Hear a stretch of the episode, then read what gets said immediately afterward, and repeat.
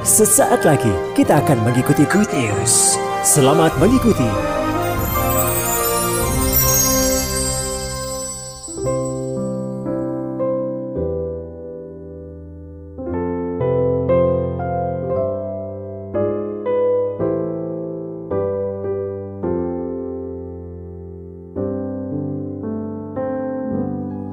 Salam, selamat tahun baru, selamat tahun baru. Ya, puji Tuhan. Adakah saudara percaya dengan firman Tuhan? Rencana Tuhan bukan rencana kecelakaan, tapi damai sejahtera. Rancangan Tuhan dahsyat, bukan rancangan kecelakaan. Pegang janji Tuhan. Amin, saudara. Hidup mati kita bukan oleh karena uh, perkataan dunia. Manusia hidup karena perkataan firman Tuhan. Yang setuju boleh tepuk tangan, saudara. Firman itu ya dan amin. Firman itu pasti digenapi. Cepat atau lambat pasti digenapi. Tinggal saudara menantikan janji Tuhan dengan kesabaran, dengan kerendahan hati. Karena waktu Tuhan bukan waktu kita. Amin. Kalau Bapak Gembala senior sudah dapat tentang pernyataan bahwa diselamatkan untuk menjadi terang di dalam di situ disebutkan di dalam kisah Rasul, ini sesuatu yang memberikan harapan buat saudara dan saya. Apa pun kata sana di dunia dikatakan badai apa pun, tapi kita ada di dalam kerajaan yang tidak tergoncangkan. Percaya saudara? Hari ini saudara ada yang tanpa masalah? Ada yang dengan masalah? Meskipun ada masalah bersama Tuhan, pasti ada jalan keluar. Solusi di dalam Yesus itu pasti ada. Jadi jangan sangsikan keberadaan Yesus di dalam setiap saudara dan saya. Ini merupakan satu keputusan buat setiap saudara. Tahun 2023 semakin hari semakin semangat, semakin setia, semakin mengandalkan Tuhan. Amin. Tanpa Yesus kita tidak bisa apa-apa. Oleh karena itu kita mau belajar. Mengapa kita menjadi terang? Kenapa alasannya kok kita dipilih bisa jadi terang? Terang bukan hanya di dalam rumah sampai ke bangsa-bangsa. Tapi dimulai dulu dari dalam rumah. Amin. Buat saya khotbah yang paling sulit bukan di depan saudara. Di rumah. Begitu melek anak sudah tahu apa yang dikerjakan orang tuanya. Oleh karena sekarang anaknya canggih-canggih. Lebih ngerti gadget daripada orang tuanya Bahkan anak pun juga dipelihara atau diajar atau dididik oleh gadget. Tapi kalau saudara dan saya setuju bahwa saudara harus nilai plus yaitu pengenalan kita kepada Tuhan jauh harus lebih baik daripada anak-anak yang kita lahirkan. Roh takut akan Allah harus menjadi bagian kita sehingga mereka melihat saudara ada terang di dalam kehidupan saudara. Amin.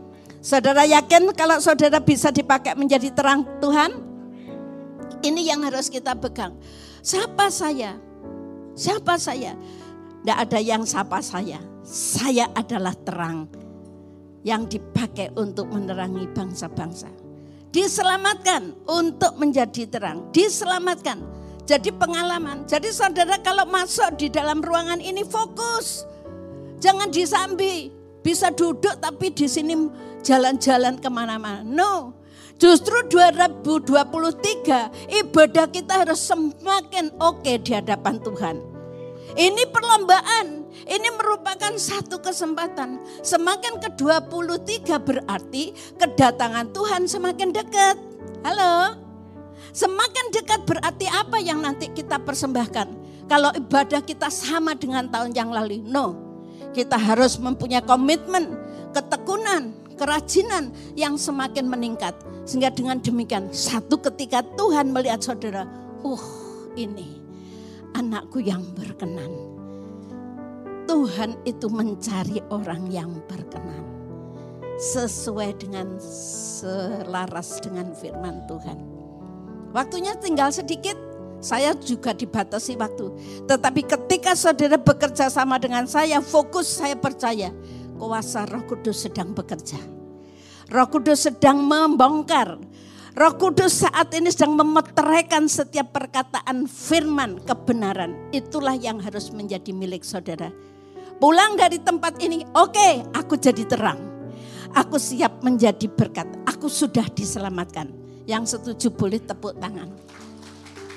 Kita buka kisah Rasul 9 tentang pertobatan Saulus.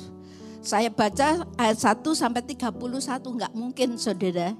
Tetapi saya mengajak untuk belajar bersama. Nanti Saudara buka di rumah. Masih siap baca firman sendiri? Baca firman, iman timbul dari pendengaran-pendengaran akan firman Tuhan. Amin. Jadi kalau saudara setia, saudara berani ambil keputusan untuk memberikan yang terbaik di 2023. Saya percaya saudara semakin terpesona dengan Tuhan. Katakan, aku terpesona dengan Tuhan. Satu tiga, aku terpesona dengan Tuhan. Amin. Yang pertama di sini dikatakan sementara itu berkata-kata hati Saulus untuk mengancam dan membunuh murid-murid Tuhan. Ia menghadap imam besar dan meminta surat kuasa daripadanya untuk dibawa kepada majelis-majelis Yahudi di Damsik supaya jika ia menemukan laki-laki atau perempuan yang mengikut jalan Tuhan, ia menangkap mereka dan membawa mereka ke Yerusalem. Siapa Saulus ini saudara? Jelas dia adalah pembunuh, dia adalah orang jahat. Dia senantiasa punya ide untuk mencari orang-orang Kristen, baik laki perempuan. Itu baik enggak? Jahat, tapi perhatikan Tuhan tidak melihat latar belakang kita. Yang setuju katakan amin. Siapa pun saudara, kalau saudara hari ini mendengar suaranya, kalau saudara hari ini adalah meresponi panggilannya, siapa pun saudara, ya. Apakah latar belakangnya dulu jadi penjahat, pembunuh, preman, apa pun namanya, Tuhan bisa membalikkan keadaan saudara dan saya sesuai dengan rencana Tuhan. Boleh tepuk tangan saudara. Ini satu kemenangan. Jangan sampai pendeta jadi preman ya. Kalau preman jadi pendeta dahsyat saudara. Tapi ini terjadi. Tinggal sekarang pilihan kita bagaimana meresponi dari apa keadaan kita. Kita mau terus masuk di dalam kegelapan, kejahatan, Wah masuk 2023. Komitmen kita apa di hadapan Tuhan? Mau lebih baik? Biasa-biasa saja? Atau tambah mundur? Enggak. Saya ajak lebih baik. Semakin hari semakin baik. Naik, naik, naik, naik. Dan naik saudara. Amin. Keserupaan dengan Allah harus menjadi target kita satu ketika saudara dipanggil Tuhan, saya pun juga punya target. Perkenanan Allah itu harus menjadi nomor satu. Perkenanan Allah itu tidak bisa dikerjakan satu hari. Terus menerus, continue, terus menerus. Saudara sekarang sukses dalam bisnis, oke, okay, bagus. Saudara punya rencana meningkatkan usaha, oke. Okay. Pertanyaannya, hubungan saudara dengan Tuhan bagaimana? semakin meningkat. Oleh karena itu Maria dikatakan Maria memilih yang terbaik. Bahkan di setiap Injil nama Maria pun juga disebut. Inilah yang menjadikan dorongan, semangat buat saudara untuk menjadi serupa dengan Allah. Saudara tadi sudah duduk bersyukur enggak? Bisa duduk ke tempat ini bersyukur enggak? Bersyukur diberi kesempatan bisa ibadah. Banyak orang di luar sana tidak bisa ibadah karena sakit. Nafas pun harus beli. Pakai ventilator, saudara duduk. Maksimalkan saudara duduk di sini. Fokus kepada Tuhan. Tanya sama Tuhan, firmannya sing endi buat aku. Saudara bertanya, sekarang saudara mau buka YouTube model apa bisa? Tapi berapa ayat yang masuk yang bisa jadi rema? Itu pertanyaan. Firman itu bukan tontonan, khotbah bukan tontonan, tetapi itu adalah satu hal pesan Tuhan apa yang harus kita lakukan. Sehingga ada satu kemajuan, hari ini pastikan lebih baik dari kemarin. Dan besok pasti lebih baik dari hari ini. Tuhan tidak melihat latar belakang saudara dan saya. Dari mana datangnya? Apakah saudara dulu orang baik atau tidak? Tidak masalah. Tapi Tuhan punya kepentingan untuk membawa saudara dan saya menjadi terang. Diselamatkan untuk menjadi terang bagi bangsa. Amin mulai dalam rumah tangga. Tuhan tidak cari banyaknya koleksi firman, tapi seberapa firman dikerjakan. Satu ayat dikerjakan 100%. Saudara punya 100%, 100 ayat, gak digarap belas, nol. Nol. Tidak ada artinya di hadapan Tuhan. Kayak enak yo, tahun baru kok khotbah ini. Ini penting supaya kita mengambil keputusan yang ilahi, yang supranatural, yang berpihak kepada Allah, bukan hanya keberpihak kepada kedagingan saja. Bersyukur kalau saudara dan saya boleh ada di sini. Tuhan tidak melihat latar belakang kita. Kesempatan untuk kita mengenal Tuhan masih ada waktu itu. Amin. Yang kedua, bagaimana terang itu menjadi nyata di setiap saudara dan saya ada pengalaman pribadi yang diberikan oleh Tuhan. Sehingga ketika ada pengalaman itu ada terjadi satu perubahan, ada pembalikan bagi mereka yang merespon dari pengalaman pribadi. Buktinya apa? Ada yang sakit disembuhkan, ya balik lagi. Iya Mbak ya? Tapi berapa kali Tuhan mau nyatakan demonstrasinya waktu di perjanjian baru kan banyak toh yang disembuhkan. Bahkan ada seorang PSK yang ditanya langsung dia pun juga menginjil, memberitakan kepada banyak orang, aku sudah ketemu Yesus, aku ketemu Mesias.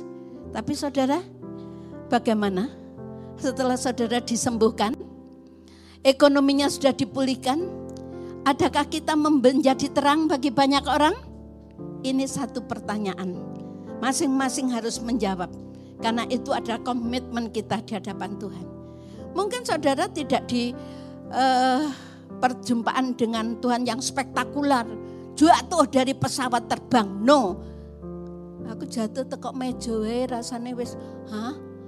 Tuhan, apakah ada kesempatan untuk apakah ini awal kematianku? Wow. Ada yang berani bertanya begitu pada Tuhan? Nek loro ya cok cerita wong saya juga pas ngomong ada yang jenguk gini, Bu Endang mbok ngomong ngono tabu. Keliru sampean. Orang Kristen itu tanda hidup dan mati harus diceritakan. Nek urip ya urip sing genah, nek mati ya sing genah. Amin. Boleh tepuk tangan. Jadi buat orang Kristen tidak ada tabu cerita masa wis kejat-kejat. Iki kira-kira si urip apa gak Tuhan? Saudara boleh tanya sama Tuhan. Jangan salah saudara ya. Halo, Waktu saya jatuh ya saya tanya, Tuhan ini awal kematianku. Tugasmu masih banyak. Oh terima kasih berarti ndak waras. Jadi kalau saya boleh di sini itu jawaban karena wes diwaras no. Amin. Pengalaman pribadi dengan Tuhan itu penting. Tinggal masalahnya positif atau negatif. Coba kita lihat sebentar di dalam kisah Rasul 3 dan 4. Dalam perjalanannya ke Damsik ketika ia sudah dekat kota itu, tiba-tiba cahaya memancar dari langit mengelilingi dia. Ia rebah ke tanah dan kedengaranlah olehnya suara yang berkata kepadanya, Saulus, Saulus, mengapakah engkau menganiaya aku? Wow, lu kok aneh pertanyaan ini. Padahal dia punya rencana bahkan sudah membunuh laki-laki dan perempuan orang yang Kristen. Kenapa pertanyaan ini? Ada ayat yang mengingatkan, tidak tahukah kamu bahwa kamu adalah bait Allah? Roh Allah tinggal di dalam kamu, betul begitu? Jadi kalau ada orang yang melarang saudara Natalan, orang yang melempar-lempar batu di gereja, orang yang menghujat, bukan urusan saudara dengan manusia itu tetapi langsung Tuhan yang berperkara. Dikatakan mengapa engkau menganiaya aku. Kaget ini karena kita adalah bait Allah. Bangga saudara jadi bait Allah? Bangga saudara jadi bait Allah? Bangga saudara jadi bait Allah? roh Allah ada di dalam kita. Roh itu lebih besar dari roh yang lain. Coba lihat kiri kanan, kalau ada roh Allah, lemes, ngantuk. 2023 semangat. 2023 sukacita. 2023 semakin sehat. Boleh tepuk tangan saudara. Pengalaman pribadi sangat penting. Dia jalan mau ke Damsik, tiba-tiba ada cahaya yang membuat dia buta, geledak, bangun. Tuhan punya rencana yang baik. Memang kelihatannya pertama sakit saudara. Tapi Saulus ini tahu bahwa dia mau dipakai Tuhan. Skenario Tuhan tidak ada yang jahat. Skenario Tuhan adalah baik. Amin saudara. Luar biasa. Jadi ini saya pun terberkati dengan khotbah ini saudara. Saulus sejahat itu kok ya Tuhan bisa pakai yuk mau lo omong dengan orang jahat. Kita kalau ketemu orang tuwek kok selingkuh dah males aku. Ya kalau ada ya mohon maaf berarti roh kudus sedang bekerja. Artinya ndang tobat gitu loh saudara. Kita tuh sering kali mengukur diri kita terlalu suci. Sehingga ketika kita diperhadapkan dengan orang-orang yang mengalami uh, istilahnya luka dan sebagainya, kita sering kali tidak bisa berdamai dengan mereka. Bagaimana Tuhan waktu mana suamimu? Oh, itu bukan suamiku. Sos, Tuhan Yesus maksudnya. Gitu. Kepada siapa? Seorang pelacur toh. Halo, saya tuh kadang-kadang ya bertobat ya sering kali. Duh Tuhan nantiku kok gak kayak Tuhan Yesus ya. Kalau melihat orang itu rasanya duh. Gak iso tak emplok, tak pangan didik-didik gitu loh saudara. Gemes gitu saudara. Wong ya wis ngerti, wis tahu pelayanan, ya uru-uri pedik gereja. Seringkali juga begitu. Tapi kalau saudara punya respon yang bagus atas pengalaman pribadi dengan Tuhan. Ya saya terus terang aja nggak mau sakit lagi saudara. Jatuh dikeplek nomor sekali dikeplek nomor walaupun firmannya jatuh tidak sampai tergeletak. Jangan mencobai Tuhan. Amin cukup deh. Halo. Tapi ada juga sing seneng. Aduh ya sakit. Kemarin kembung. Hari ini pusing Besok saya nggak bisa makan. Urutan. Jangan bangga dengan sakit penyakit. Diperangi. Karena ini adalah bait Allah. Amin saudara. Ya bu nggak apa-apa. Saya kan anu kata dokter sih serosis. Loh serosis pula hati ini kaku ikut toh. Sing anu ya tapi ya sudah diterima. Ya sudah imanmu diterima kok. Ya monggo. Saudara suka sakit atau suka sehat? Sehat untuk mempermuliakan Tuhan. Di tempat ini banyak tempat untuk pelayanan saudara. Mumpung si urip cepet layani Tuhan. Kalau hidupku aku serahkan pada Tuhan. Gombal. Ayo ambil kesempatan. Tapi ya jangan pelayanan sebelum saudara melayani pribadi Allah. Nanti terjadi gesekan. Singgung pindah reno pindah rene. Malang akeh gereja kok. Masuk diaspora tok. Saya masuk diaspora puasa Esther loh saudara. Mangannya saudara sekarang banyak orang. Saya udah pesen waktu sakit. Oke, Anda pindah silahkan. Tapi pesan Bu Endang, jangan mengganggu orang yang sudah bergereja. Di sana tuh banyak orang yang belum percaya Yesus. Jadi terang, jadi berkat, Nama Tuhan dipermuliakan. Amin. Jadi ojo sing wis lungguh tengok-tengok iki dioso ayo nang omahku, ayo pindah. Oh, gek kono akeh, ono ini pizza, ono burger. Aduh. Rugi Yesus mati di kayu salib, Saudara. Yesus mati di kayu salib untuk menebus segala dosa saudara dan saya. Untuk melawan segala maut sehingga setiap saudara yang percaya hari ini mati keselamatan sudah menjadi bagian saudara. Masih bersemangat? Kudu semangat. Sing khotbah ya semangat tadi. Oke. Okay. Pengalaman pribadi memberikan kesadaran menjadikan orang rendah diri. Ojo mek syukur nampak tok. Waduh, pintu nang gereja puji Tuhan. Apa dampaknya? Oleh opo? Firman apa yang bisa mengubah? Tuhan berbicara nggak sama toh? Saulus, Saulus.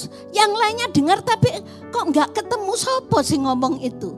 Artinya Tuhan berbicara secara pribadi. Firmannya sama diberitakan tapi cara penangkapannya tidak sama. Sehingga saudara akan mendapat satu, dua, tiga, tidak sama. Walaupun dapat satu saudara kerjakan, saudara akan bertumbuh mengarah kepada keserupaan dengan Allah. Amin. Amin. Nah itu yang terus saya mau supaya setiap jemaat adalah semangat yang luar biasa. Jemaat yang betul-betul berkobar-kobar. Saulus berkobar katanya membunuh orang Kristen. Saudara berkobar untuk menjadi terang. Karena sudah diselamatkan. Boleh tepuk tangan. Di dalam perjumpaan pribadi Saulus dengan Tuhan Yesus sampai mengalami buta tiga hari tiga malam ndak makan ndak tidur podo itu tadi poso Esther. Dia berdoa. Apa maksudnya? Pengalaman ini. Pengalaman ini apa maksudnya? Tuhan memperjelas supaya ada orang yang dikirim. Di dalam kisah Rasul 9 ayat 10 saya bacakan. Di Damsik ada seorang murid Tuhan yang bernama Ananias. Firman Tuhan An Ananias jawabnya, ini aku Tuhan.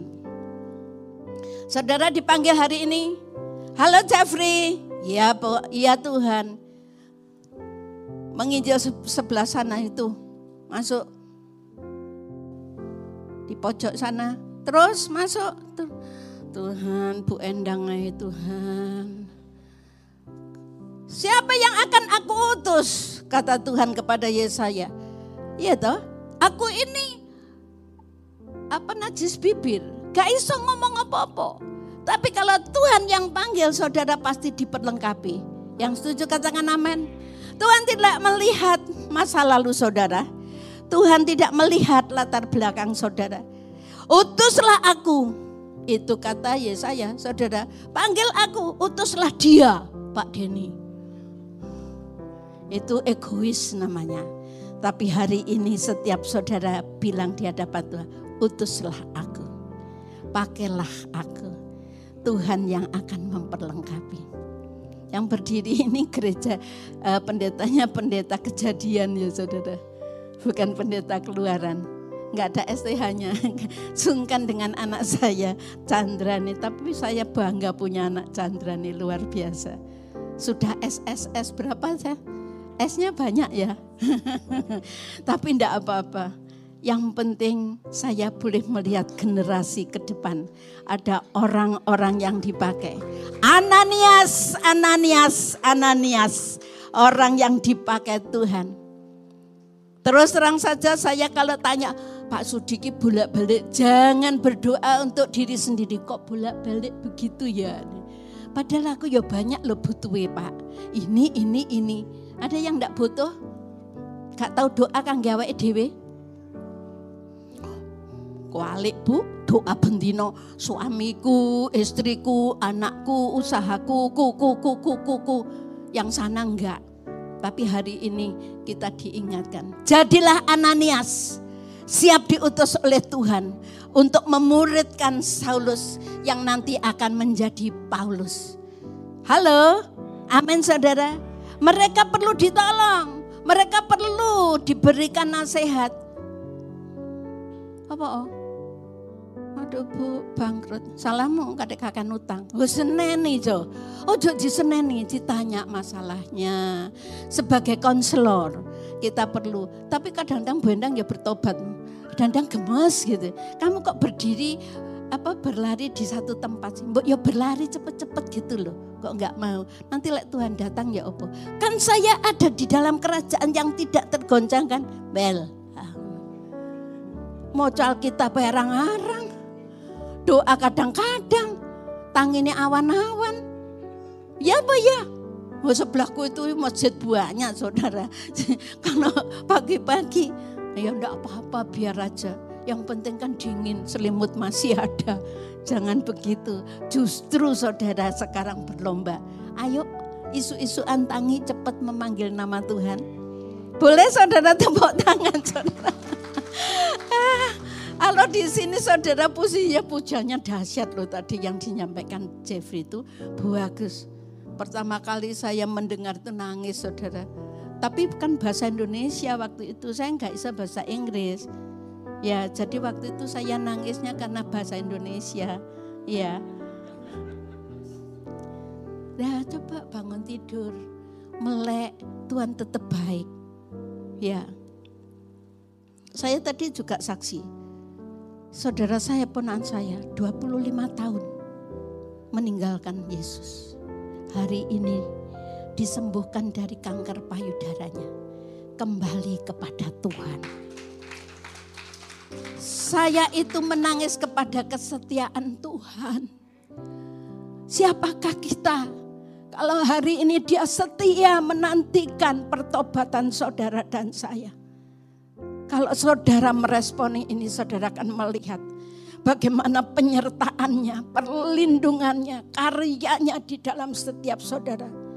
Kalimat saya ketika saya sakit semakin terpesona kepada Tuhan. Ada tangan Tuhan yang tidak nampak tapi berdampak.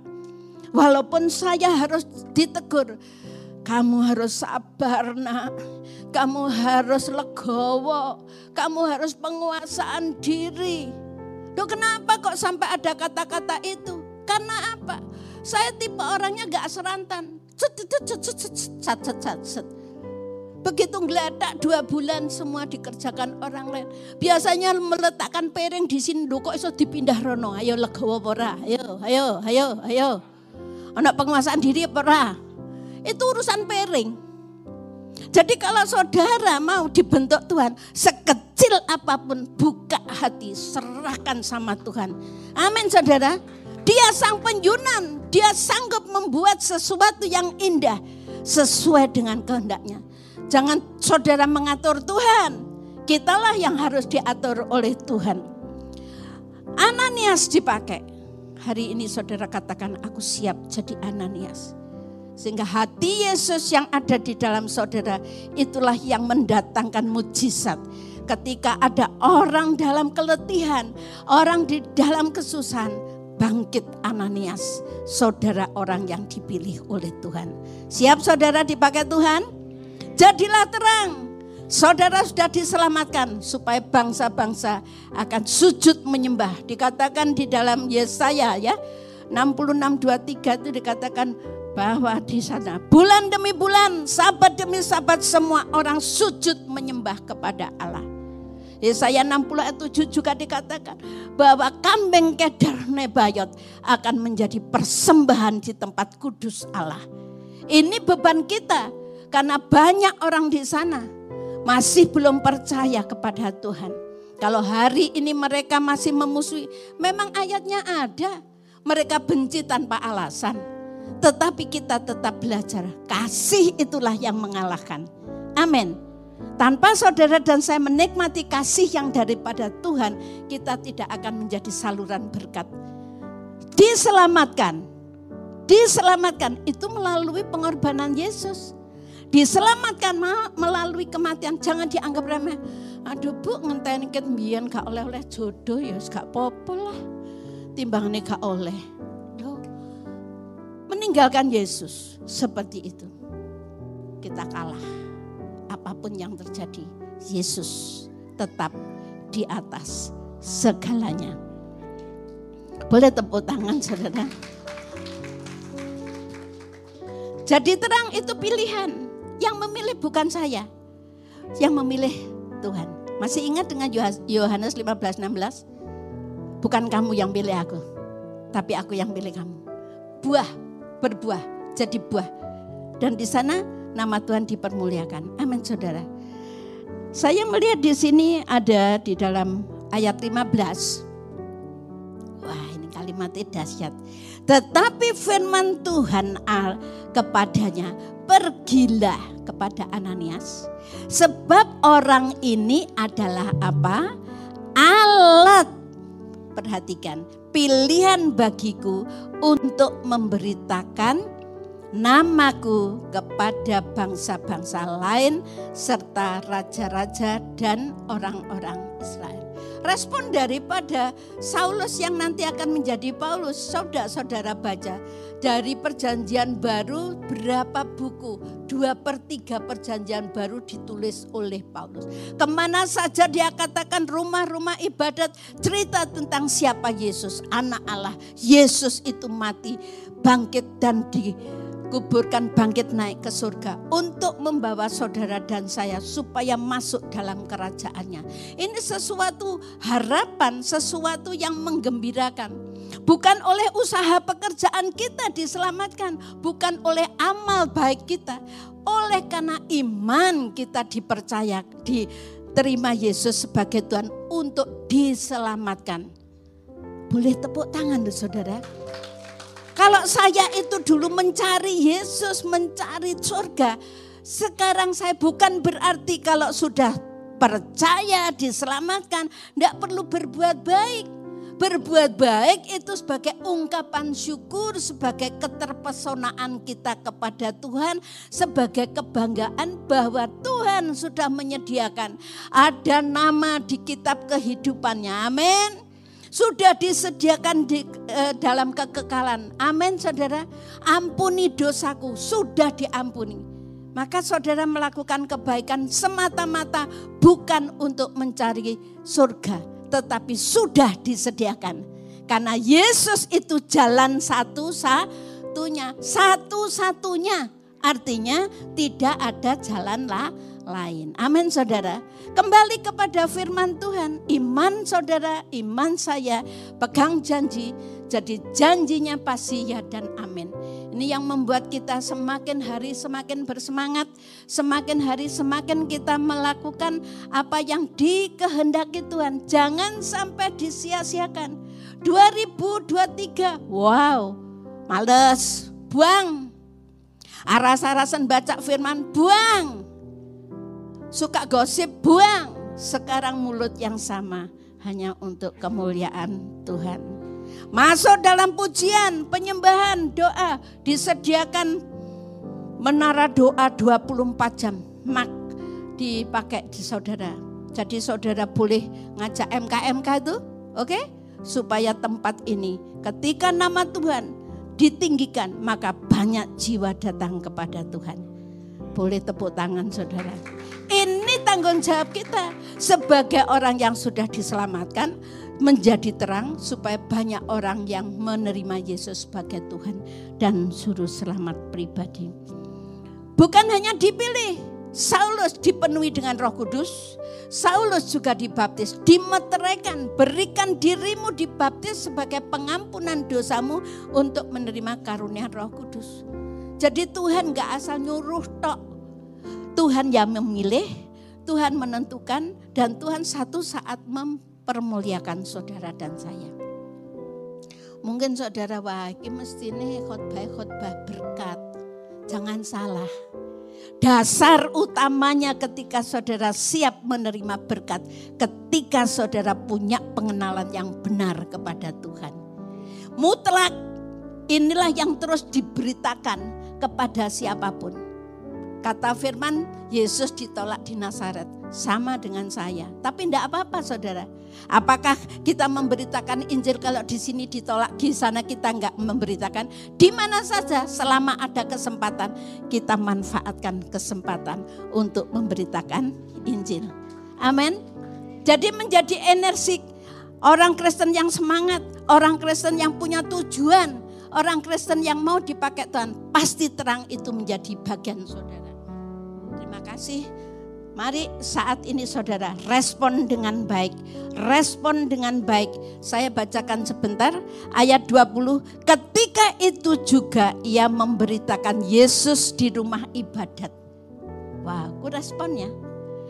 Jadi di situ dan mengatakan bahwa Yesus adalah anak Allah datang ke sini. Maksud untuk menangkap dan ya ini saya teruskan ini saja.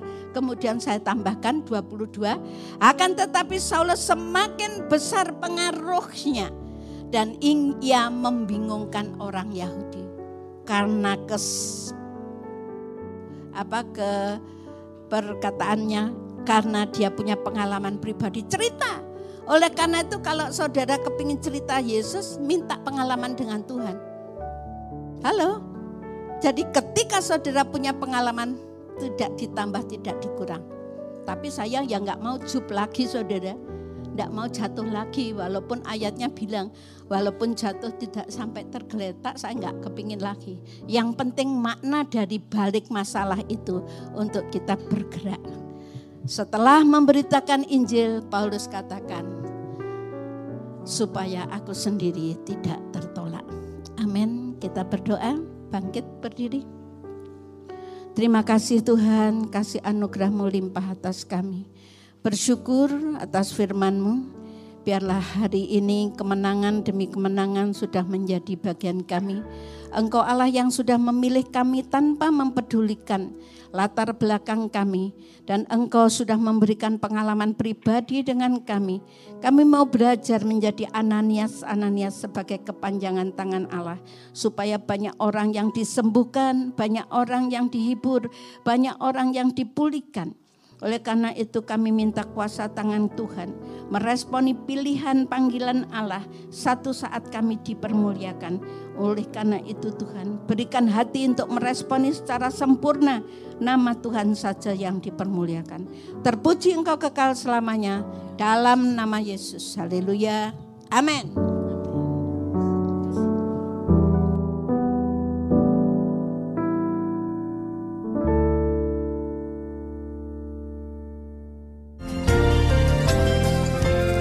Terima kasih untuk Anda yang telah mendengarkan program Good News yang dipersembahkan oleh Radio Sejahtera. Untuk Anda yang rindu mendapatkan layanan konseling dan dukungan doa, silakan menghubungi hotline 0812 3333 6392. Para konselor dan para pendoa Diaspora Sejahtera Caring Ministry siap untuk melayani Anda. Tuhan Yesus memberkati.